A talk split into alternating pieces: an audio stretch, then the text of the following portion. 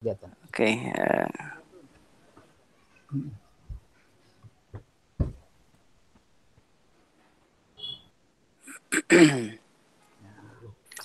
Bismillahirrahmanirrahim. Assalamualaikum warahmatullahi wabarakatuh. Waalaikumsalam warahmatullahi wabarakatuh. Innal hamdalillah nahmaduhu wa nasta'inuhu wa nastaghfiruh wa na'udzu billahi min syururi anfusina wa min sayyiati a'malina. Asyhadu an la ilaha illallah wahdahu la syarika lah wa asyhadu anna Muhammadan abduhu wa rasuluh la nabiyya ba'dah.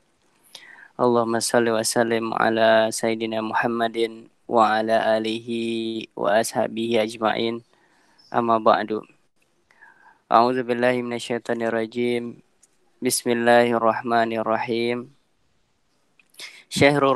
alladzi unzila fihi al-Qur'an hudan linnas wa bayyinatin minal huda wal furqan Al-ayah yang saya hormati Gurunda Kiai Haji Alamul Huda, guru kita semua.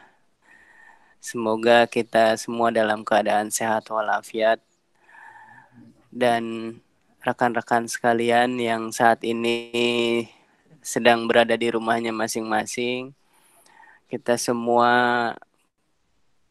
melakukan kegiatan jauh dari berkumpul karena memang ini bagian dari ikhtiar kita untuk senantiasa terjauh dari wabah penyakit yang saat ini uh, kita dengar sebagai COVID-19. Nah, mudah-mudahan dengan ikhtiar kita ini, dengan berkumpulnya kita, walaupun dalam keadaan online seperti ini, kita mendapat keberkahan dari Allah Subhanahu wa Ta'ala, keberkahan Ramadan terutama. Amin ya Allah ya Rabbal 'Alamin. Pada kesempatan sore hari ini sudah hadir bersama kita semua uh, Kiai Haji Alamul Huda atau biasa disebut uh, Gus Huda dengan akrabnya. Begitu beliau uh, sebagai pengasuh pondok pesantren Al Rashid yang telah banyak membimbing kita dalam uh, menjalankan agama Islam di khususnya terutama di Kabupaten Bojonegoro ini dengan berbagai peran yang beliau amban.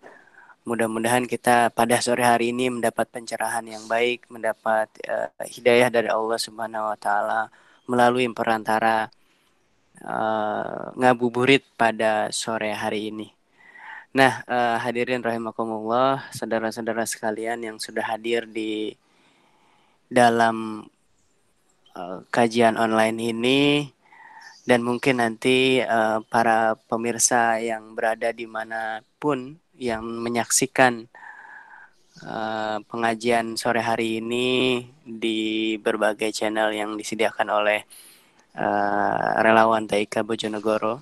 Sekaligus saya ingin mengucapkan terima kasih kepada relawan Taika Bojonegoro yang telah memfasilitasi pengajian sore hari ini Mudah-mudahan dengan wasilah pengajian sore hari ini kita mendapatkan ridho dan syafaat dari Allah Subhanahu wa taala. Sekaligus uh, pada hari ini kita juga memperingati momentum besar dalam sejarah umat manusia, dalam sejarah umat Islam yaitu nuzulul Quran. Nah, uh, sebagian besar ulama sepakat bahwa nuzulul Quran adalah di mana diturunkannya ayat pertama, diturunkannya ayat pertama kepada Nabi besar Muhammad Sallallahu Alaihi Wasallam. Allahumma salli wa sallim alaih. Nah, pada hari ini menjadi momentum juga bagi kita semua untuk kembali kepada Al-Quran, untuk kembali mengingat Al-Quran, di mana Al-Quran adalah sebagai petunjuk bagi umat manusia. Mungkin selama ini kita di ke Google daripada buka Al-Quran. Nah, uh, untuk itu dengan memperingati ini dengan momentum nuzul Quran ini semoga kita bisa kembali kepada Al-Quran, menjadikan Al-Quran sebagai rujukan rujukan utama kita semua dalam kehidupan sehari-hari dan Al-Quran sebagai petunjuk. Mungkin selama ini kita cari petunjuk dengan Google Maps atau Waze, tapi uh, dengan momentum ini kita mengingatkan kembali bahwa petunjuk yang sesungguhnya, petunjuk yang sebenar-benarnya adalah uh, yang tertera dalam Al-Quran.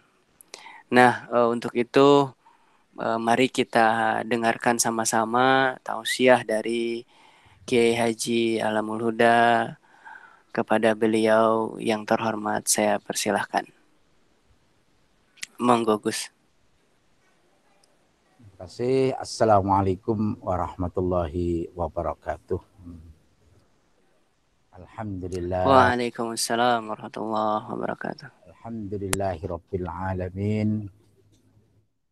Alhamdulillahilladzi ja'ala syahra Ramadan syahrul Islam Salatu wassalamu ala rasulillah Sayyidil anam Wa ala alihi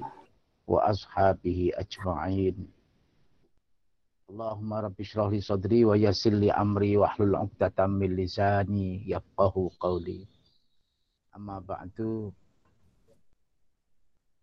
Para pemirsa Mas Malik dan seluruhnya Para pemirsa yang dirahmati Allah yang diberkahi oleh Allah, yang diridhoi oleh Allah insya Allah.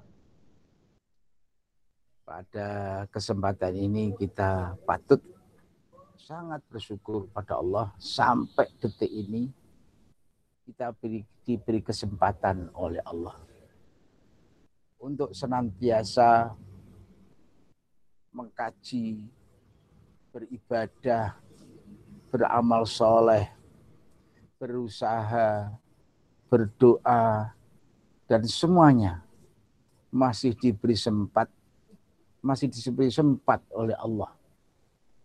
Untuk bisa melakukan usaha-usaha amal yang baik sehingga sampai di pertengahan Ramadan lebih dua hari ini kita bisa melakukan usaha yang terbaik dan mudah-mudahan pada bulan puasa ini mulai tahapan awal sampai akhir mulai dari eh, amalan-amalan yang sampai awal sampai akhir.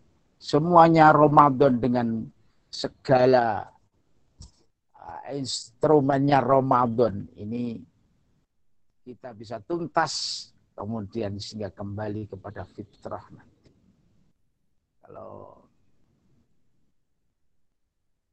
ini adalah satu harapan dan adalah satu doa. Insya Allah.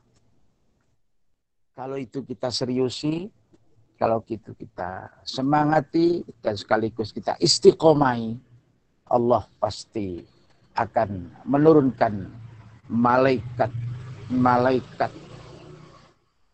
malaikat malaikat yang akan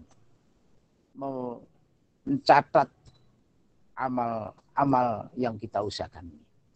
Para pemirsa yang berbahagia, ketepatan eh, saya ini diberi eh, kesempatan untuk menyampaikan tentang mengapa harus nuzul Quran.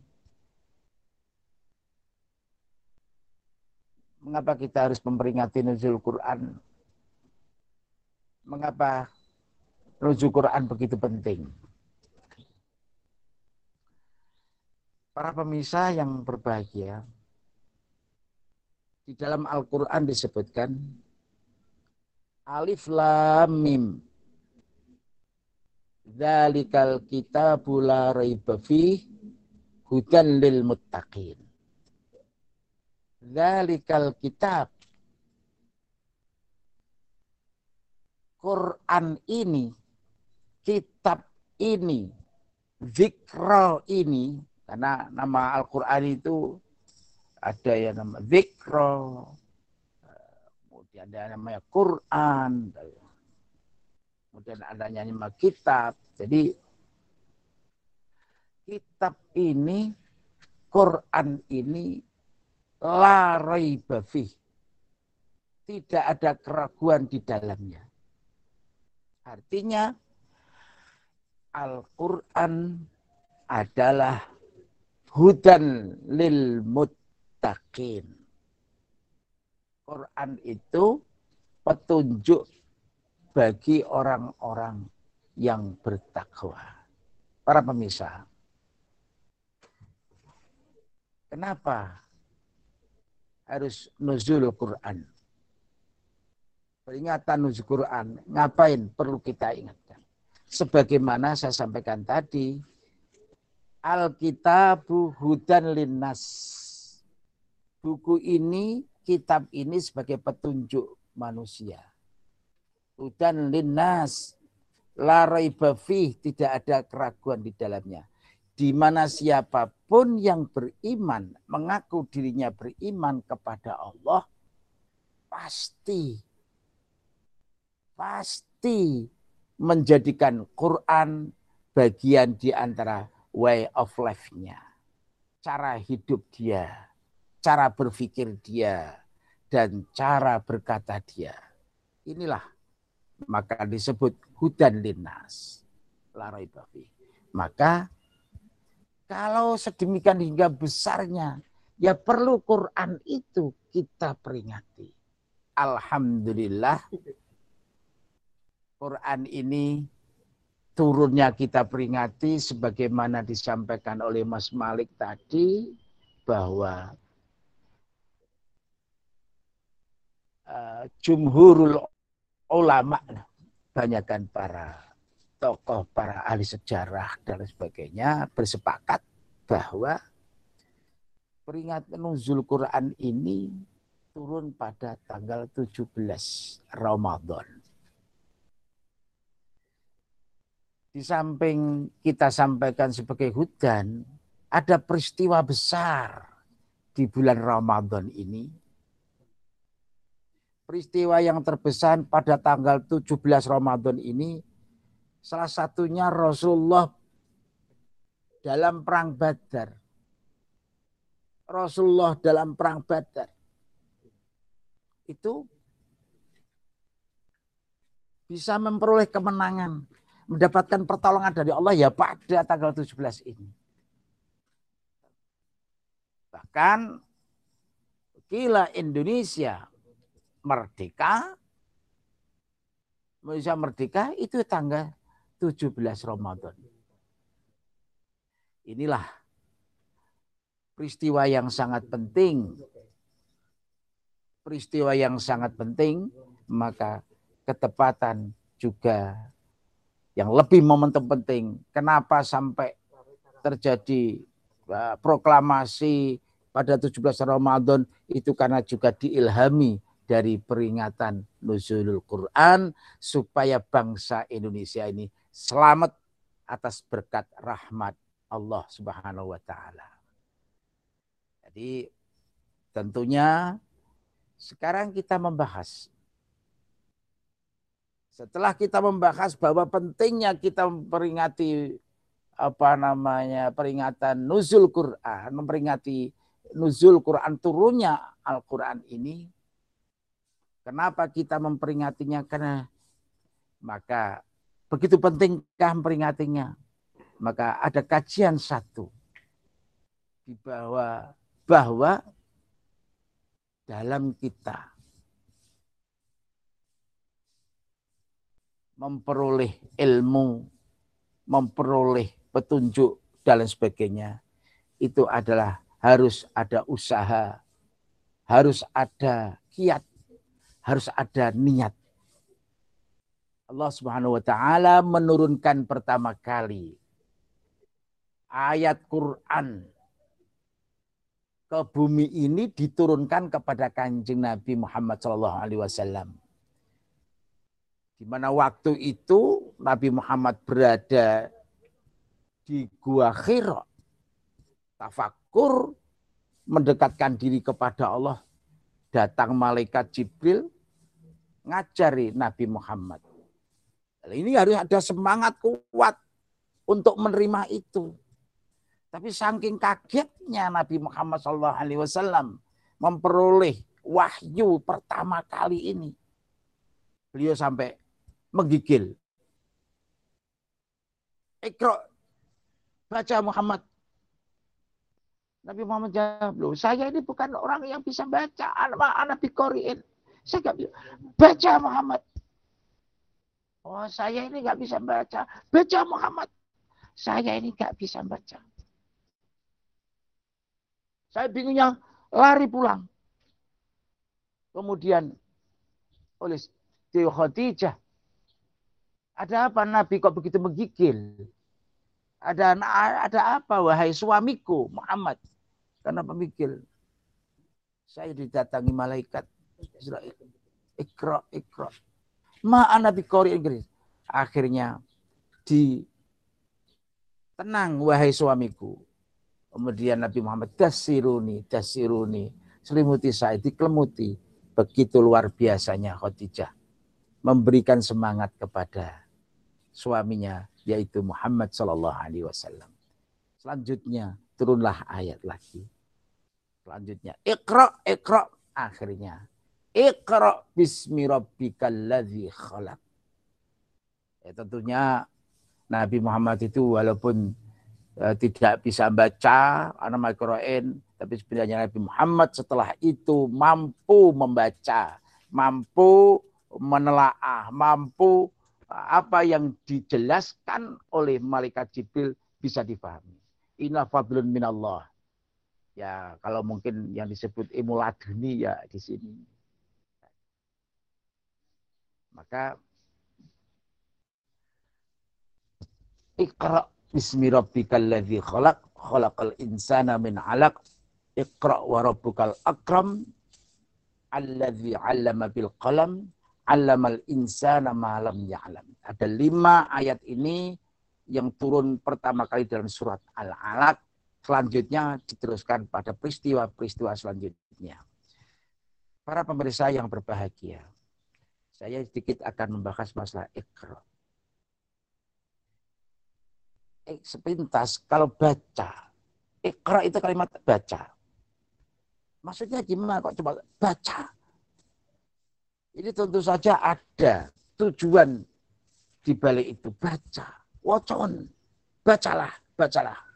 Nah, kalimat baca ini esensinya banyak sekali. Di dalam memahami sebuah kalimat ini, ayat yang bernama, yang berupa ikro. Ini ada beberapa apa namanya pemahaman, ada beberapa penafsiran.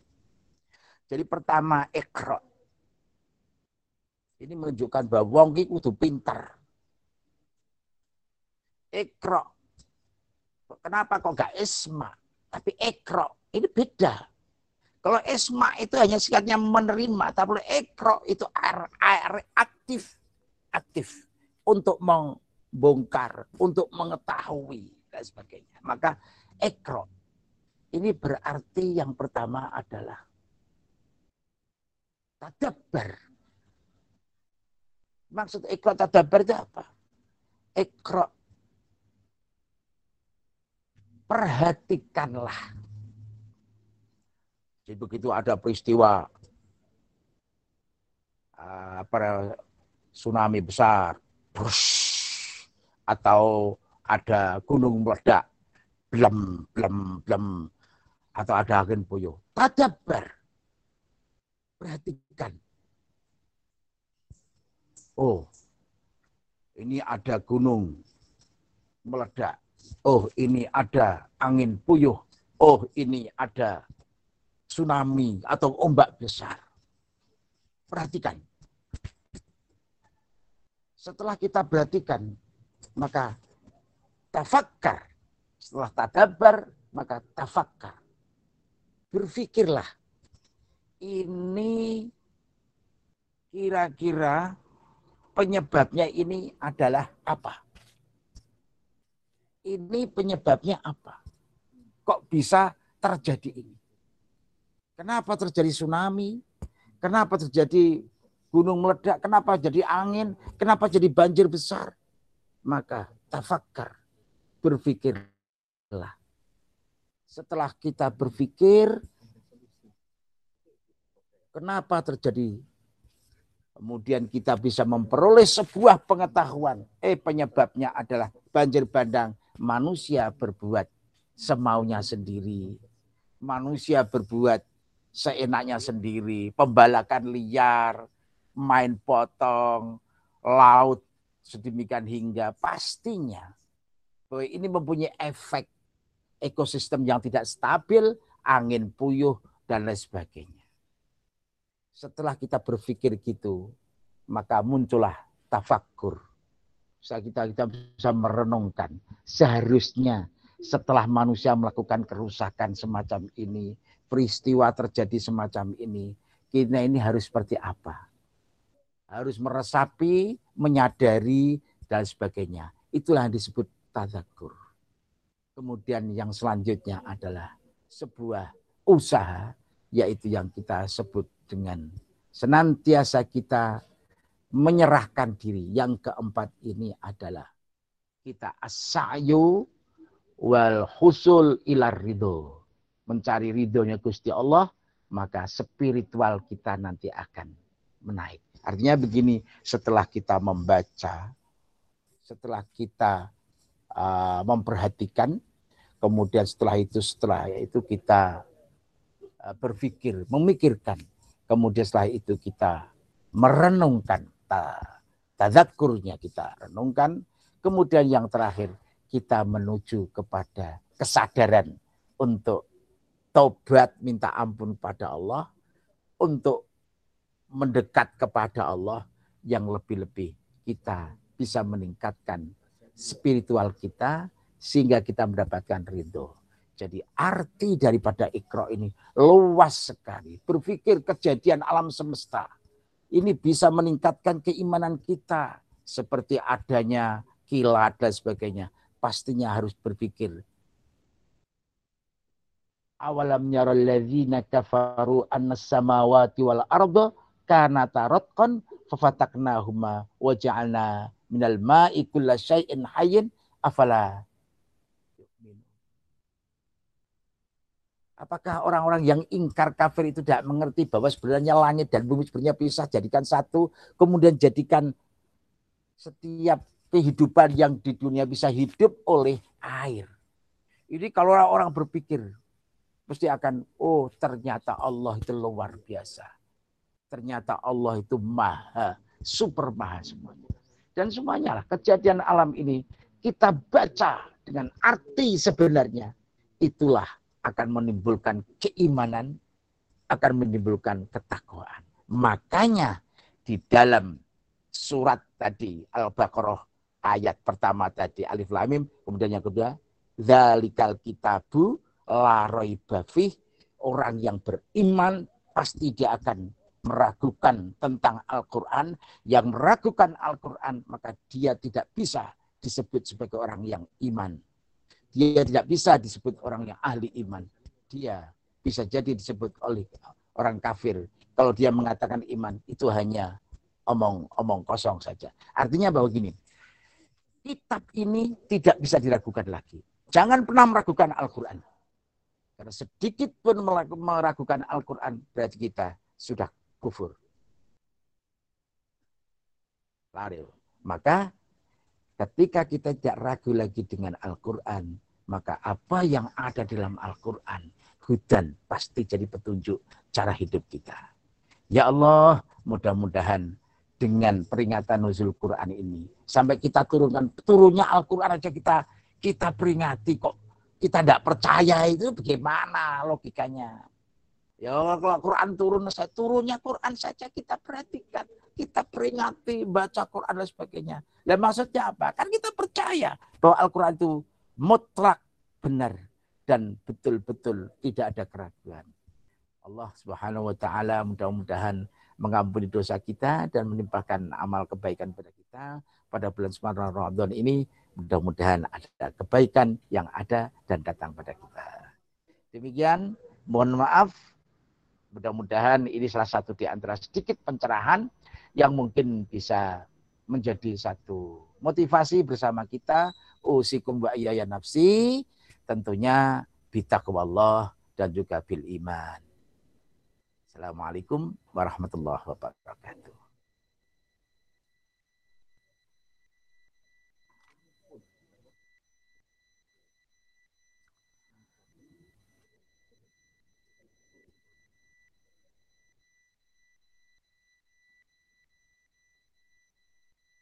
Tidak dengar ya? Suaranya Mas Malik belum kedengaran. Ya. Belum kedengaran, Mas.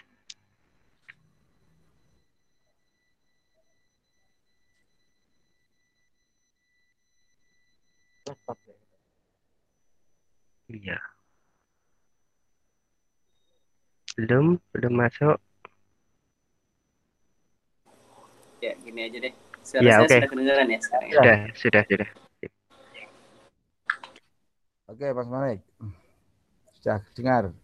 Eh, eh, su- eh, ada yang telah memberikan tausiah yang eh, begitu menggugah kita, kita semua bahwa dengan momentum nuzul Quran ini kita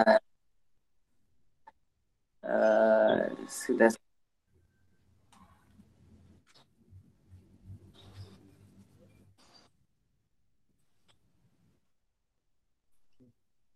Momentum nuzul Quran ini mem- me- menandakan salah satu ciri bahwa kita beriman kepada Al-Quran.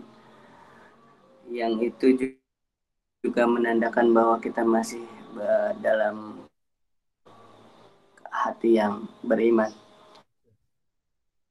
Tadi sempat disampaikan eh, oleh Pak Yai bahwa momentum mempercayai Al-Quran itu, itu adalah eh, seperti yang disyaratkan dalam ayat pertama surat Al-Alaq itu bahwa Iqra itu ada empat hal. Yang pertama adalah membaca, memperhatikan, lalu kemudian memikirkan dan juga merenungkan. Dengan empat hal ini, ini kemudian muncul kesadaran untuk kita semua mengingat Allah Subhanahu wa taala, taubat kepada Allah Subhanahu wa taala dan berpikir untuk meningkatkan keimanan kita. Jadi di mana pun kita, keilmuan apa pun yang kita geluti, bidang saintifik apa pun yang kita dalami, itu semata-mata untuk mengingatkan kita, mengembalikan pikiran kita bahwa kita ini adalah uh, ciptaan Allah Subhanahu wa Ta'ala. Uh, hadirin pemirsa di mana pun anda berada yang dirahmati Allah Subhanahu Wa Taala, uh, disampaikan kepada uh, gurunda kita Kiai Haji Alamul Huda, monggo dipersilahkan. Di sini uh, sudah ada beberapa uh, perlu diketahui juga bahwa uh, tayangan kita pada sore hari ini pengajian online kita pada sore hari ini ditayangkan juga di Facebooknya RTIK live uh, Facebook RTIK uh, teman-teman yang uh, mungkin belum bisa bergabung uh, bisa menyaksikan lewat uh, live Facebook ini dan juga nanti tayangan ini telah direkam dan akan ditayangkan di YouTube channelnya uh, RTIK Bojonegoro.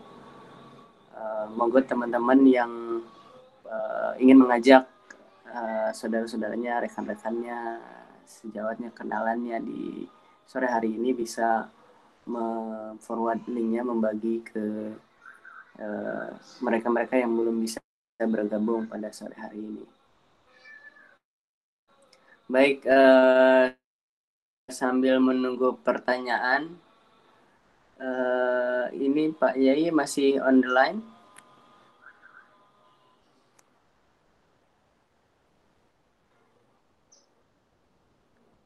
Pak Yai masih di line? Masih on? Oke, sudah. Halo? Halo. Ya masih dong.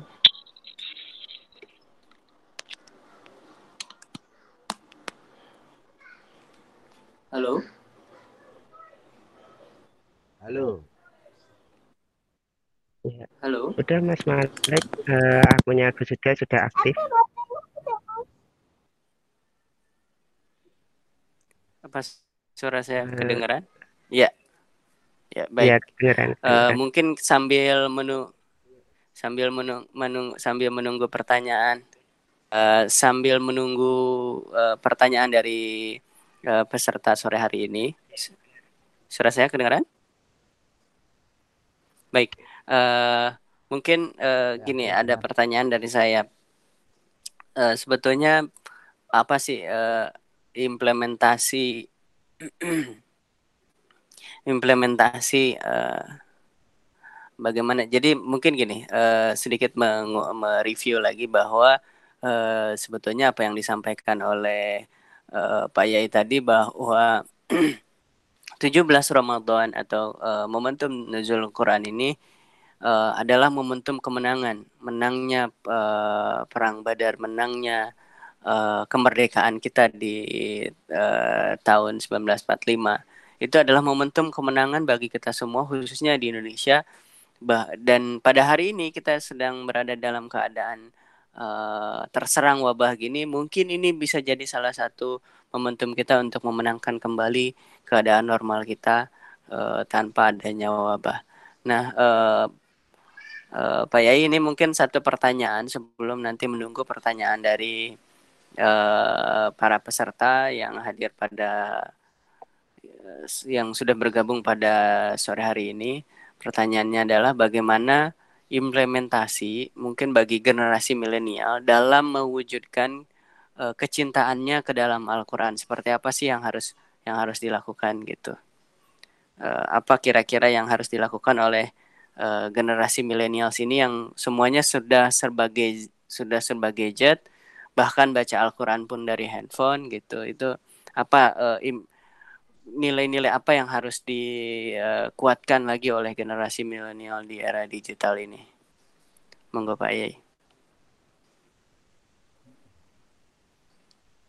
Ah, terima kasih Mas Malik. Ini sebuah pertanyaan yang luar biasa, yang yang sangat bagus. Karena tantangan generasi muda saat ini adalah sekian banyak kompleksitas yang mulai dari cara berpikir, mulai cara bersikap, juga mulai bertutur kata. Fakta yang nyata sekarang ini adalah ilmu pengetahuan dan teknologi, terutama sekarang informasi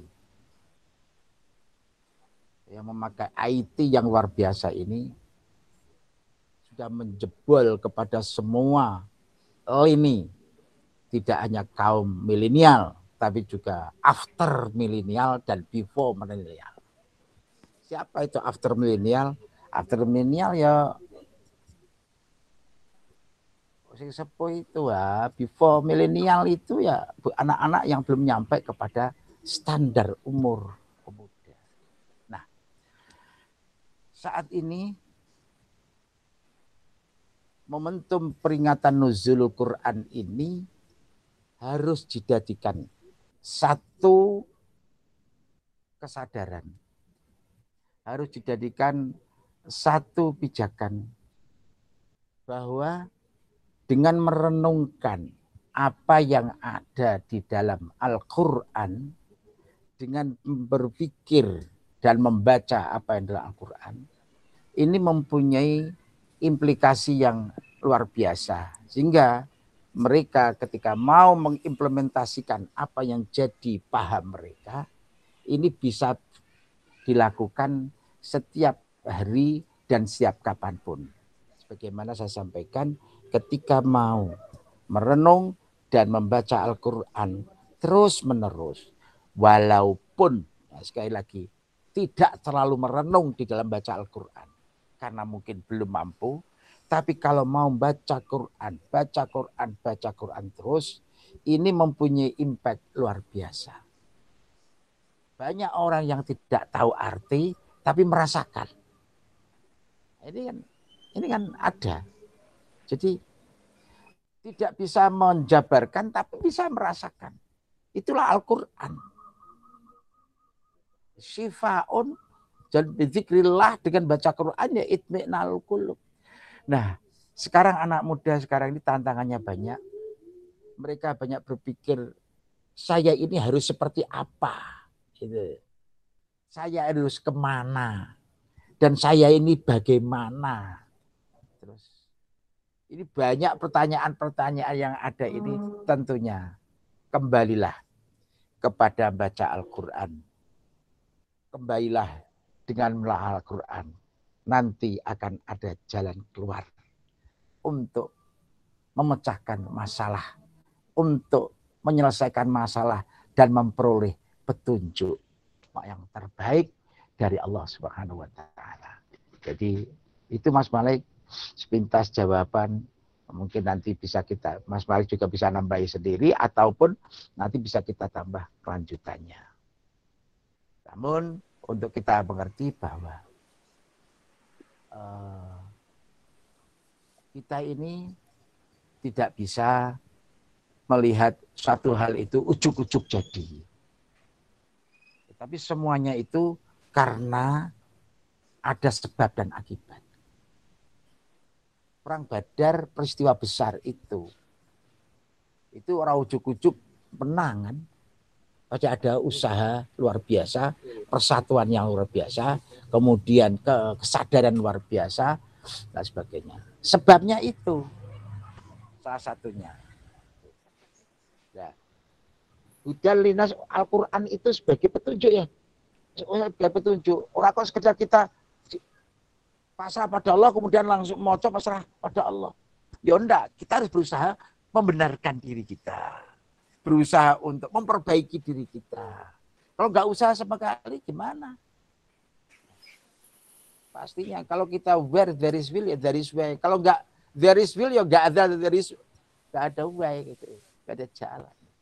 Jadi ini mari menelaah. Insya Allah dengan tantangan saat ini, anak-anak bisa mengimplementasikan cara berpikirnya menjadi hidup yang lebih baik. Demikian. Terima kasih uh, Pak Yai cukup mencerahkan sekali. Uh, mungkin ini agak sedikit uh, kontekstual dengan kekinian dan juga agak sedikit melebar. Uh, bangsa ini saat ini kita bangsa Indonesia uh, sedang menghadapi ya mungkin seluruh bangsa di dunia ini sedang menghadapi uh, keadaan yang sulit uh, terutama berkaitan dengan wabah penyakit ini dan di Indonesia terutama yang memang uh, secara uh, mental dan infrastrukturnya mungkin belum uh, siap ya sehingga ketika digoncang dengan uh, pandemi ini dengan wabah ini masyarakat uh, babak belur di kiri kanan atas bawah gitu. Nah ini uh, akan menjadi introspeksi buat kita semua bahwa uh, kita semua sedang diuji oleh Allah Subhanahu Wa Taala dalam keadaan sulit ini. Nah uh, sebetulnya, nah ini menurut uh, panjenengan Pak Yai, uh, apa sih yang harus dilakukan oleh bangsa ini agar agar kita semua bangkit dari dari segala cobaan dan uh, musibah ini sehingga kita semua bisa keluar dari kondisi seperti ini jauh lebih baik dari apa yang kita alami sebelumnya. Uh, baik Mas Malik, ini pertanyaan juga bagus juga untuk bisa kita apa nama ambil sebuah pelajaran sebenarnya. Nah, yang pelajaran yang luar biasa. Jadi begini, man arafallaha azalat tuhma. Wa qala kullun fi fi fi'lihi bil hikmah. Siapa yang iman kepada Allah, tahu kepada Allah, husnudzon kepada Allah. Azalat tuhma. Siapa yang iman kepada Allah, siapa yang husnudzon kepada Allah, tidak akan pernah ragu, tidak akan pernah menyalahkan. Dan semua yang diberikan oleh Allah itu ada hikmahnya. Semua yang diputuskan Allah itu ada hikmahnya. Jadi sebenarnya pandemi COVID-19 ini ini pelajaran buat umat manusia di dunia. Di dalam Al-Quran sudah sebutkan dalam surat Ar-Rum bahwa Zaharul fasadu fil barri wal bahri bima kasabat aidin nas. Liyudhiqahum ila akhir ayat. Bahwa kerusakan entah berupa itu balak entah berupa itu apa namanya peristiwa miracle peristiwa besar yang ada di al di dunia ini. Semuanya itu ujung-ujungnya ada sebab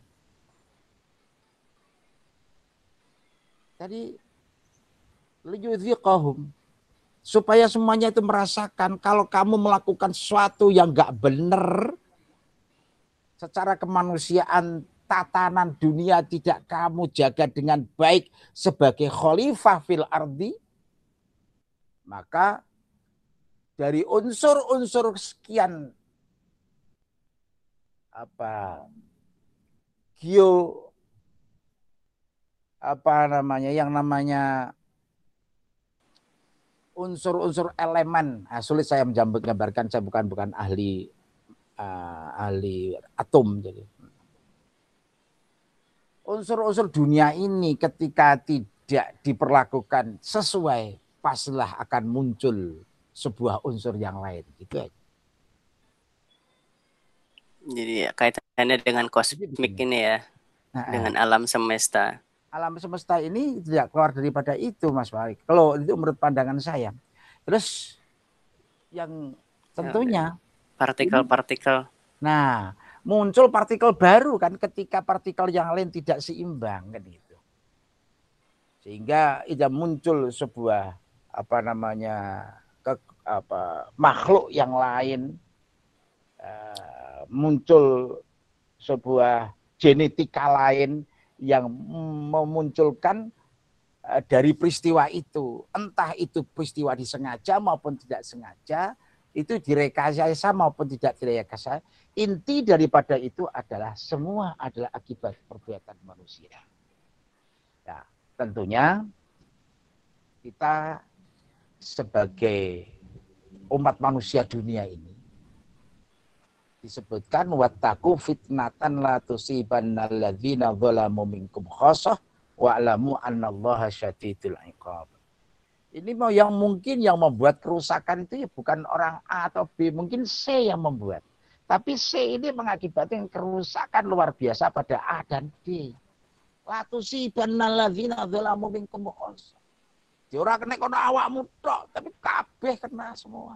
Ini akibat salah satu. Ini umpama contoh aja. Sampean nganggu sabuk bom, tapi orang sekitar kamu itu tidak berbuat dosa. Bomnya diledakkan kira-kira yang kena sampai antok atau KB. KB kan kena. Banjir penyebabnya adalah orang yang motongi kayu seenaknya sendiri. Orang yang nggak pernah Gali motong pasir. kayu.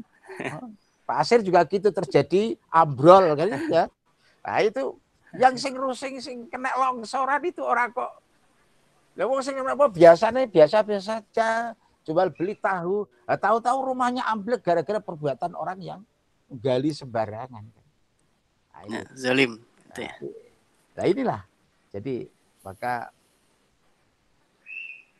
semuanya itu tidak lepas daripada perbuatan manusia. Jadi kadang kasus pandemik COVID-19 ini sudah nyata dan sebagainya perlu kesadaran. Naik nggak sadar, ya tadi terjadi fitnah. Contoh, Orang yang sudah kena betul-betul dia nggak mau jelas ngomong. Mana ngerti awal itu tahu dia itu bahwa dirinya itu kena dan sudah positif total dan sebagainya dan juga riskan karena umurnya sudah tua. Tapi Tapi menutup-nutupi gitu ya. nutup-nutupi kemudian dia megang orang sakar PDW. Berapa orang yang terkena? Nah, ini. Makanya fitnah ini karena penyebabkan apa? Karena Itu termasuk zalim ya, Yai? zalim. Karena apa? Karena ini adalah sebuah apa nama kesadaran yang harus dilakukan. Karena mem, ya bisa membunuh orang sekian banyaknya. Dan kita pun sampai sekarang belum bisa memprediksi sampai kapan pandemi Sampai ini kapan? akan selesai. selesai. Hanya Allah yang tahu, tapi manusia harus sadar bahwa tata cara yang benar sesuai dengan hukum Allah sebab akibat harus dilakukan dengan baik di samping berdoa kepada Allah. Doa tok gak iso, gak iso.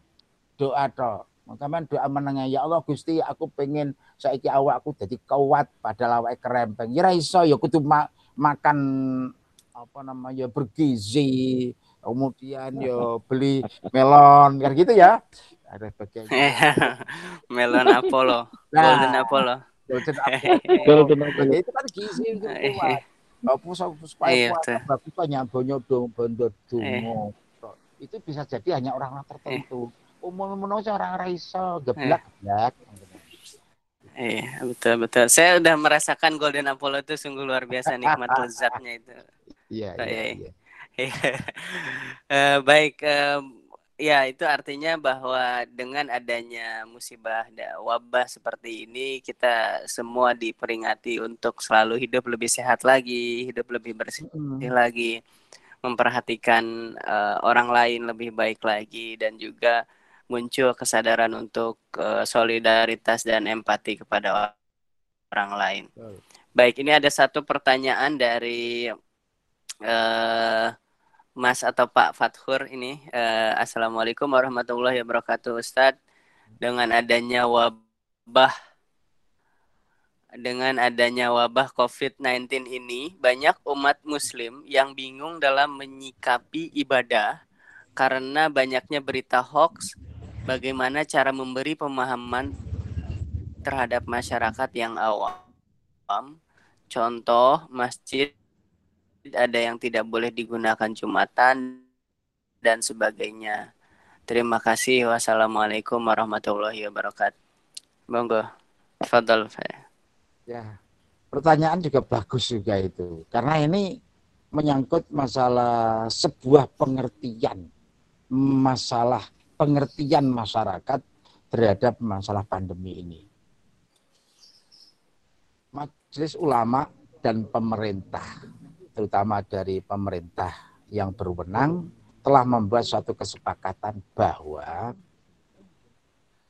dalam menjalankan ibadah wajib maupun sunat, apabila terutama traweh Jumatan dan sebagainya, apabila situasinya daerah itu sudah merah-merah, jadi sudah cloud merahnya itu sudah merah pekat.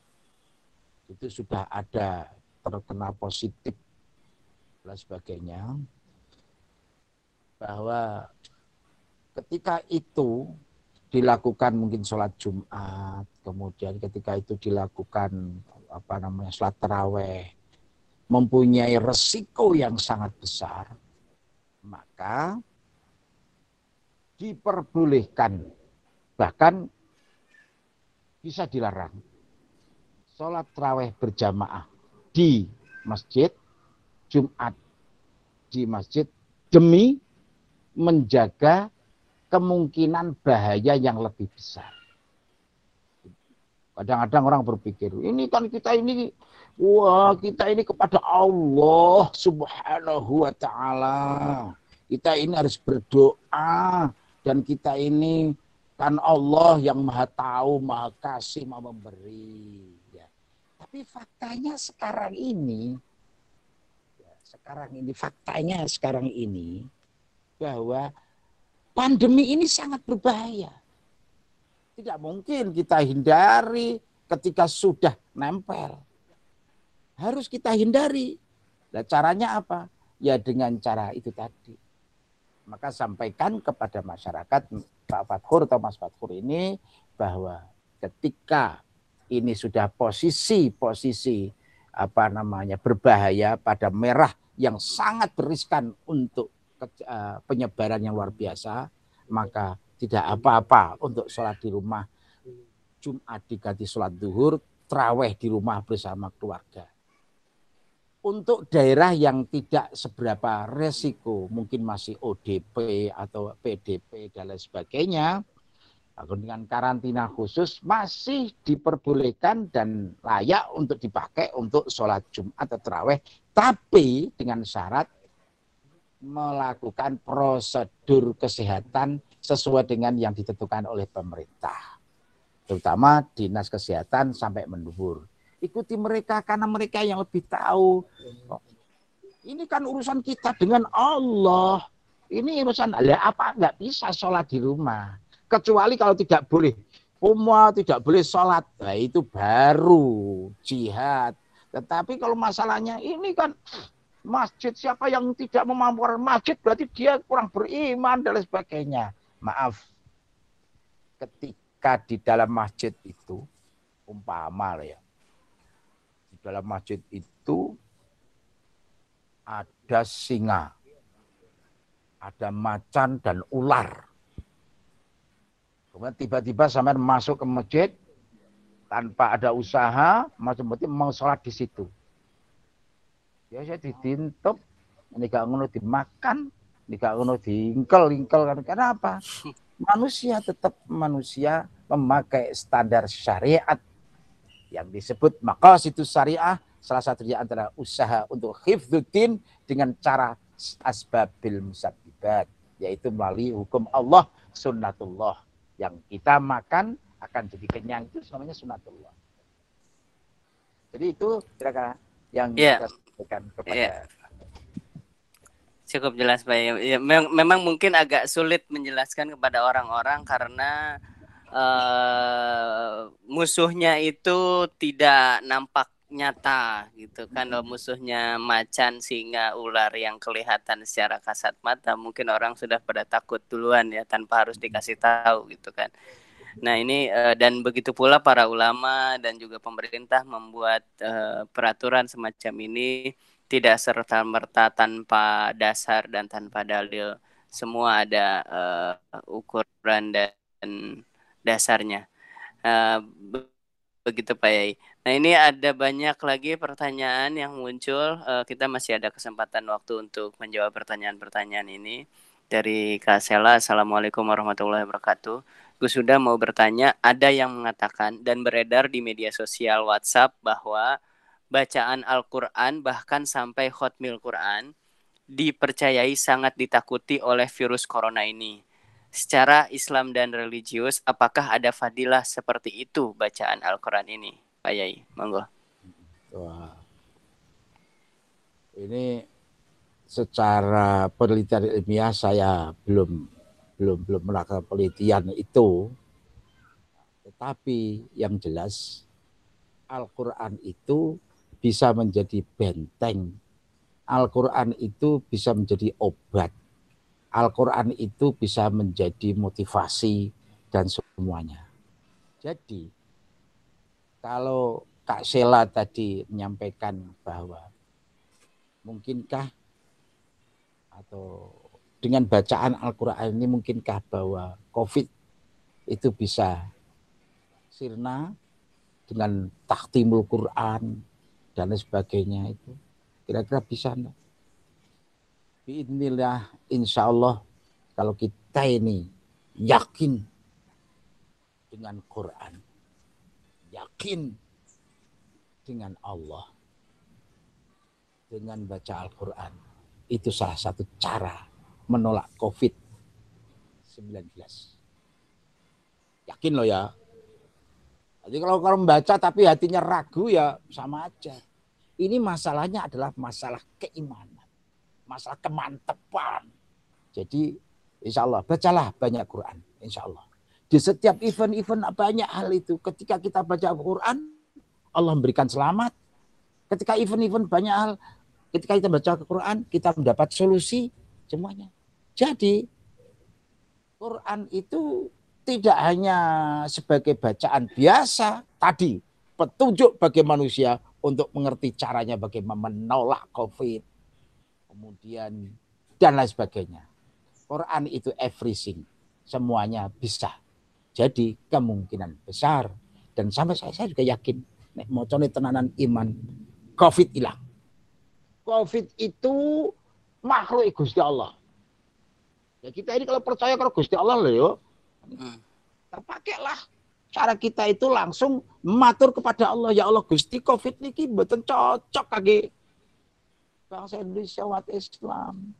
Jadi dengan itu dengan paling ya dengan cara baca Quran.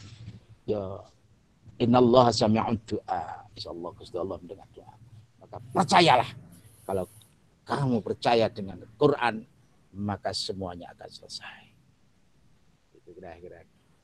Subhanallah, alhamdulillah, la ilaha illallah. Uh, memang apa namanya bahwa uh, Al-Quran ini menjadi jawaban atas semua permasalahan dan uh, problematika hidup kita terutama juga uh, dan yang berkaitan juga dengan uh, virus ini ya Pak.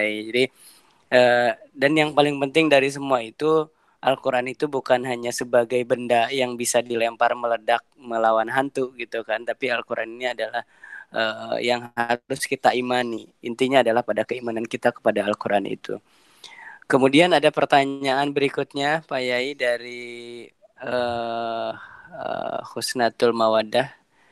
Mohon maaf ini uh, Pak Yai uh, gimana kalau pesantren-pesantren dibikin studi banding dari sekolah-sekolah umum agar ada kolaborasi tentu pesantren tersebut harus punya nilai tawar yang menarik untuk dikunjungi dan tertarik belajar bareng mungkin itu salah satu strategi menyelamatkan generasi kita ya ini mungkin agak agak uh, sedikit berbeda pertanyaannya dari yang tadi uh, ini tentang bagaimana pesantren menjadi uh, strategi menyelamatkan generasi kita, generasi milenial, generasi Y, generasi Z, generasi Alpha dan seterusnya. Mm. Bagaimana Pak Yai? Oke. Ini sebuah tantangan dari pesantren. Kita harus kita menyampaikan, kita jelaskan bahwa sampai saat ini memang perlu banyak peningkatan dari prospek pesantren terutama menghadapi dunia ini. Di samping itu, dari non pesantren itu sendiri juga perlu banyak sebuah pemahaman menuju kepada kesadaran beragama. Bahwasanya fakta yang nyata dengan segala kekurangan yang ada pada pesantren, pesantrenlah menjadi benteng. Benteng akhlaknya bangsa,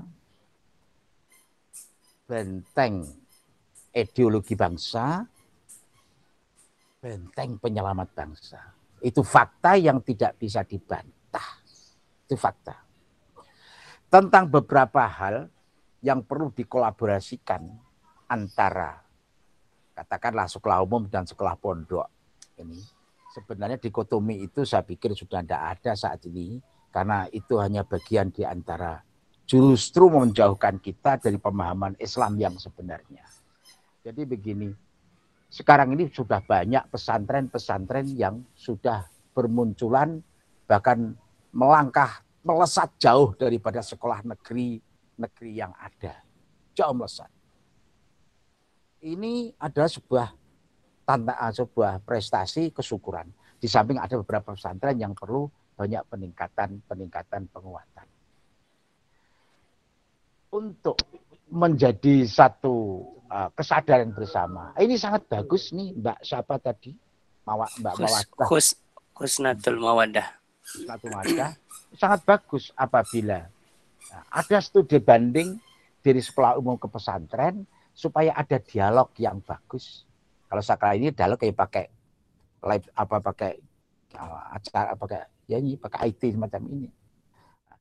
Kemudian dari pesantren ke lembaga pendidikan yang sekiranya dunianya maju.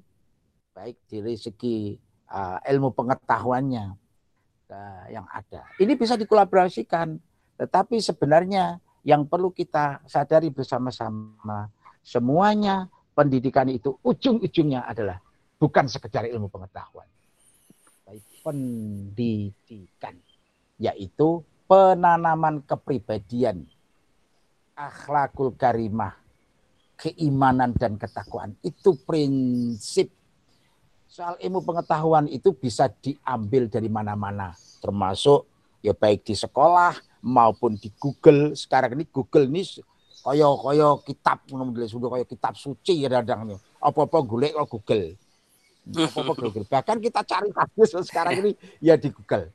Ya wes pokoknya Google. Mbah Google ini rambutnya gondrong tenan ya. Jadi jadi gitu Mbak. Jadi ayo silakan nanti pondok pesantren apa namanya meningkatkan diri insya Allah. Dan alhamdulillah saya ini mengelola tiga, membina tiga pondok pesantren. Yang pertama pondok pesantren Al Rasid yang saya sekarang ini adalah ini yang santrinya sudah 1800 eh, yang menetap sudah satu seribu ada sekolah tingginya, kemudian pondok modern Al-Fatimah yang kita yang pindah, bahkan saya ikut mendirikan. Kemudian pondok modern Ar-Rahmat, itu adalah saya sendiri pendiri dan pengasuhnya. Itu bagian di antara usaha pola bagaimana yang terbaik ke depan generasi ini supaya memahami Islam itu tidak hanya sepotong-potong, tapi Islam itu is universality bahwa Islam itu ada universal bagian di antara cara pendidikan Islam melalui pesantren mau pendidikan umum semua harus sadar bahwa ketika niati dengan Islam eh, semuanya adalah Islam dan ibadah. Demikian Pak. Itu Mas Malik? Ya, uh, jadi memang ya, uh, Pak ya, jadi memang uh, pesantren dan non pesantren itu sebetulnya hanya uh, bentuknya saja tapi memang pondok pesantren menjadi salah satu andalan memproduksi generasi yang uh, cinta terhadap Islam, cinta terhadap Al-Qur'an dan menjadi generasi Ini generasi gini Mas. Cetak generasi, generasi UTW. Generasi generasi. Jadi, generasi terbaik. Jadi, baik. Jadi gini Mas Malik, pesantren itu uh, uh, yang mencetak uh, generasi ini menjadi generasi uh, VUT. Namun yang paling penting adalah uh, seperti yang disampaikan oleh Pak Yai bahwa pendidik uh, pesantren yang pesantren yang lebih universal, pesantren alam semesta mungkin. Pemahamannya universal dan juga ideologinya lebih universal. Setelah itu menyatu di satu kepada Allah Subhanahu wa taala. Tapi yang terpenting begini Mas Malik, pesantren itu sebenarnya tujuannya tidak lain adalah untuk Iya, ini di, di uh... halo. Hmm. Ya, ya, ya, ya, ya, ya, ya, putus-putus ini. Tapi uh, sudah terdengar jelas. Uh, dibalas lagi berarti ketika kita ngobrol tentang harmoni berbangsa bernegara peran kiai untuk memberi pencerahan sangat dibutuhkan ya utamanya untuk generasi muda ya uh, dan juga mungkin untuk generasi muda uh, yang ada di Kabupaten Bojonegoro ini nah uh, sedikit mungkin ingin, kita ingin tahu bahwa uh, Bojonegoro juga uh, sedang mengalami uh, fase proses uh, bangkit pembangunan ya. Jadi dari beberapa tahun yang lalu Bojonegoro uh, sekarang kemudian banyak perubahan banyak pembangunan banyak hal yang uh, menjadi kemajuan. Walaupun mungkin Bojonegoro majunya uh, sejengkal demi jengkal gitu uh, termasuk lambat. Dan uh, tapi saya yakin kita semua yakin bahwa suatu ketika Bojonegoro juga akan menjadi sebuah wilayah atau daerah yang uh, maju seperti halnya kota-kota besar lainnya. Nah, uh, menurut Pak Yai sendiri apa sih yang harus disiapkan oleh Kabupaten Bojonegoro terutama generasi yang uh, muda untuk kemudian bisa me menjadikan uh, Bojonegoro ini sebagai daerah yang rahmatan lil alamin. Itu Mas Malik ya. Mm Uh, jadi begini Mas Malik. Bahai anak-anakku, para pemuda, sampean harus pintar. Pengen Bojonegoro maju, awakmu kudu pintar. Bangsa ini sedang membutuhkan orang-orang kuat. Orang-orang yang pintar, tapi tanda petik pintar yang benar. Bangsa ini sedang membutuhkan orang-orang pintar terbenar. Kalau pintar saja bangsa Indonesia nggak butuh. Nggak butuh bener. Bojonegoro nggak butuh orang pintar. Nek dia nggak bener. Indonesia ini juga begitu. Nggak ada artinya kita punya pintar tapi nggak benar. Karena orang pintar yang tidak benar bisa berbahaya bahkan merusak daerahnya ataupun merusak negara. Bahkan kadang-kadang kita lebih baik orang apa tahu pintar tapi benar. Itu maksudnya gimana?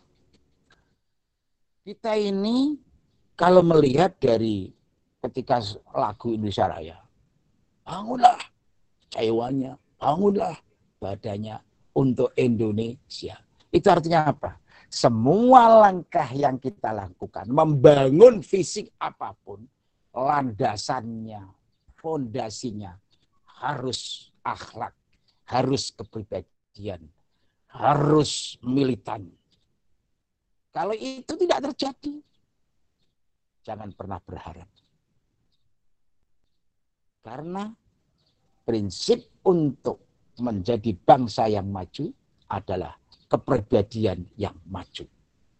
Pribadian dulu, bangun kepribadian dulu, bangun akhlak dulu, bangun ilmu pengetahuan dulu, baru praktek, diwujudkan dalam bentuk fisik. Kita ini berjalan, mau berjalan ke Surabaya, tapi tidak punya akhlak, nggak punya ilmu menuju Surabaya bisa jadi kita berangkatnya ke Surabaya bukan kok lewat Babat, tapi sejadi kita ini ke Bogor. ya kan? Apalagi tidak diberani udah tahu tapi nggak nggak ngerti akhlak. Di tengah jalan dia bengak bengok, udah tidak jadi di tempat malah cekel polisi, nggak jadi tempat. Ya Mas Malik. Karena tidak berakhlak. Atau di tengah jalan dia jarah, di tengah jalan dia itu dia itu ngantemi wong, dan sebagainya sepinter apa pun dia, nek DIP akhlaknya kurang bagus, gak akan nyampe tujuan. Bangsa ini juga begitu Mas Malik. Kalau bangsa ini tetap banyak pengkhianatnya, tidak membawa bangsa maju, dia mementingkan diri sendiri, maka kita tidak punya punya harapan Indonesia untuk menjadi bangsa yang hebat. Akan tetapi kalau kita mampu menjadi bangsa yang berakhlak, berilmu pengetahuan, ojo maneh kok negara sekitar dunia akan kita bisa kuasai dengan karakter luhur bangsa Indonesia. Ya gitu Mas Malik. Kalau enggak gitu gimana? Coba. Maka untuk membangun Bojonegoro ini, yeah. pinterlah. Iya. Artinya artinya uh, pendidik pen, Halo. Artinya uh, pembangunan SDM ini sangat penting ya. Uh, jadi SD uh, jangan tiba-tiba bangun jalan tapi SDM-nya belum belum dibangun gitu ya, Pak ya ya. Jadi uh, uh, SDM ini menjadi penting, karakter dari masyarakat juga menjadi penting gitu. Ya nah. kalau saya bicara tentang masalah bangun jalan, jadi gini Mas Karena bangun jalan itu itu program. Eh, ya maaf itu program yang harus tetap dilakukan. Nah, tinggal, ya. nah, tetap harus dilakukan karena itu program itu. Kita eh. lepas dari masalah tadi. Itu benar atau gak benar itu urusan lain. Tetapi itu program yang harus dilaksanakan sudah dilaksanakan dan manfaatnya sudah dirasakan secara umum, secara dohir oleh masyarakat.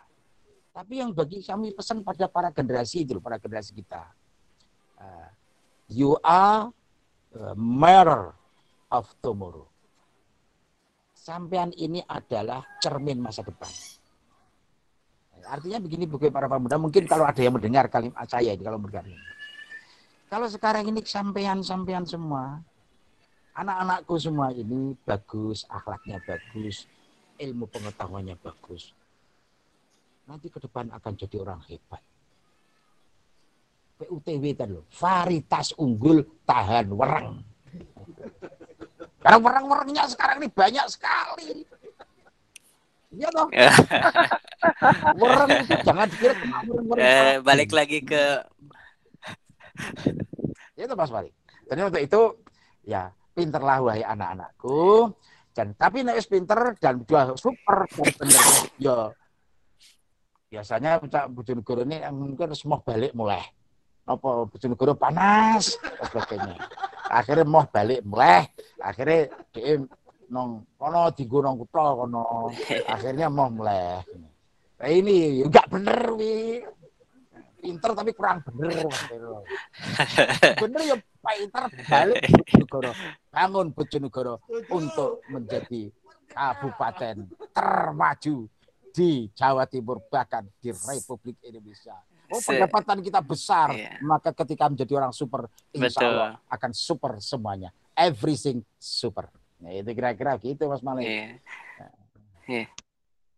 Jadi uangnya jangan dihambur-hamburkan, jangan disia-siakan ya. Kita bangun untuk Hmm. Bojonegoro manusia-manusia yang berkualitas. Tapi dari semua itu saya sangat ingat pesan Pak Yai bahwa kalau kita ingin berhasil, yen pengen berhasil kudu wani kangelan. Jadi itu yang uh, juga harus itu. kita pegang ya Pak Yai bahwa eh, kesuksesan itu bukan jalan pintas gitu, tapi kesuksesan itu diraih dengan jerih payah, keringat dan eh, apa pikiran kita.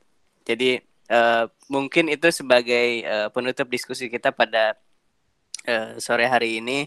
Eh, kita juga berharap bahwa apa yang eh, terjadi saat ini segera berakhir dan Amin. Eh, momentum nuzulul Quran ini menjadi salah satu eh, pijakan kita untuk senantiasa kita ingat kepada Al-Quran, mengimani Al-Quran, membaca Al-Quran, dan mengingatkan kembali. Sudah di di di hari ke-17, hari ke-18 ini kita sudah berapa juz yang sudah kita baca dan se- sudah berapa shalli banyak Al-Quran yang kita amalkan, yang kita pahami. Nah, eh, s- semoga eh, apa yang kita dapatkan, apa yang kita dengarkan pada sore hari ini menjadi keberkahan buat kita semua. Dan sebagai penutup, kami memohon kepada Pak Yai untuk eh, memberikan doa kepada kita semua, khususnya untuk eh, Bojonegoro, agar semua kita mendapat keberkahan. Monggo Pak Yai.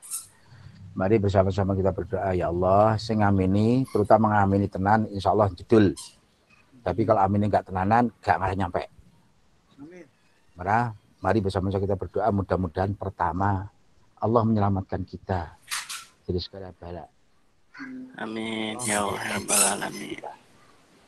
Ala hadin yang salihah wa likulli niyatin salihatin wa ila hadratin Nabi al-Fatihah.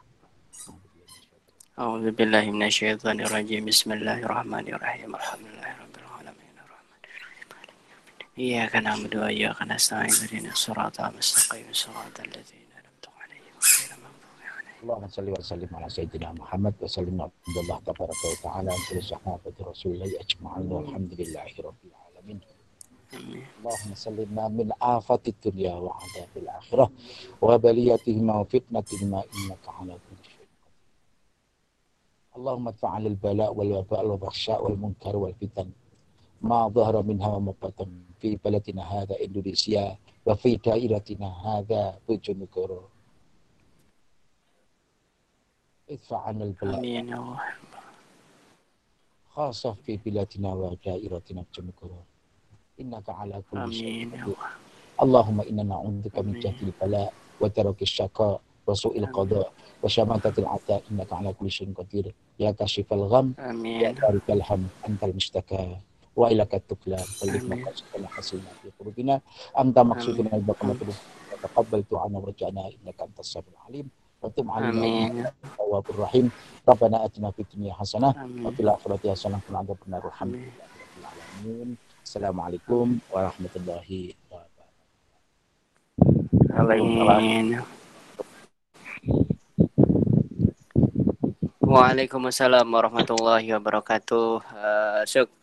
syukran zakallah khair.